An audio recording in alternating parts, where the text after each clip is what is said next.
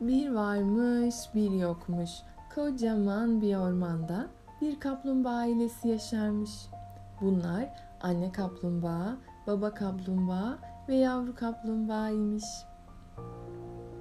Bir gün erkenden kalkıp hazırlanmaya başlamışlar. Çünkü o gün günlerden pazarmış. Baba kaplumbağa pazar günleri işe gitmez, dinlenirmiş. Bu pazar günü pikniğe gitmeye karar vermişler. Kapliş çok heyecanlıymış. Çünkü pikniğe bayılırmış. Anne kaplumbağa ve baba kaplumbağa hazırlıklarını yaparken Kapliş de kendi hazırlıklarını yapmış. Piknik çantasına top koymuş, ip koymuş, hamak koymuş, bir de çok sevdiği hikaye kitabını koymuş. Çantasının hazır olduğundan emin olunca anne babasının yanına gitmiş ve ben hazırım demiş. Hep birlikte eşyaları arabaya yerleştirip yola çıkmışlar. Harika bir gün onları bekliyormuş. Piknik yapmak için uygun yeri bulunca durmuşlar ve eşyaları taşımışlar. Bolca çimenlerin olduğu yere örtülerini açmışlar. Yakınlarda bir göl bile varmış. Kapliş o kadar mutluymuş ki.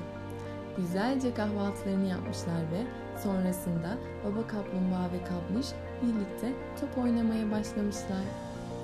Daha sonra getirdikleri hamağı baba kaplumbağa ile kurmuşlar. Hamakta sallanmak da çok güzelmiş. Kapliş bir süre sonra uyuyakalmış. Uyandığında öğleden sonra olmuş. Hava çok güzelmiş. Anne kaplumbağa ve baba kaplumbağa o sırada sohbet ediyorlarmış. Kapliş yanlarına gidip yürüyüşe çıkalım mı diye sormuş. Bu fikir baba kaplumbağanın hoşuna gitmiş.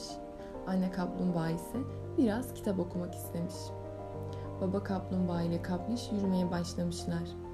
Gezerken elma ağacı, armut ağacı, kiraz ağacı, kayısı ağacı ve bir sürü daha ağaç görmüşler.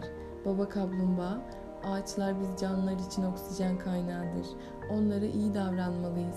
Ayrıca sayılarını arttırmak için elimizden geleni yapmalıyız demiş. Kapliş, annem bir keresinde çok sevdiğim hikaye kitaplarının da ağaçtan yapıldığını söyledi baba demiş.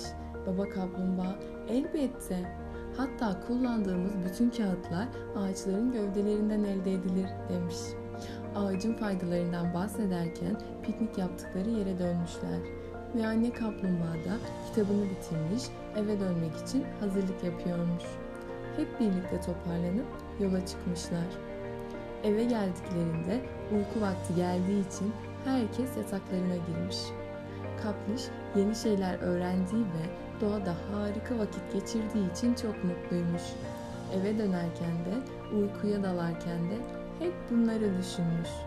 Kendi kendine çok ağaç dikmek gerek, çok demiş.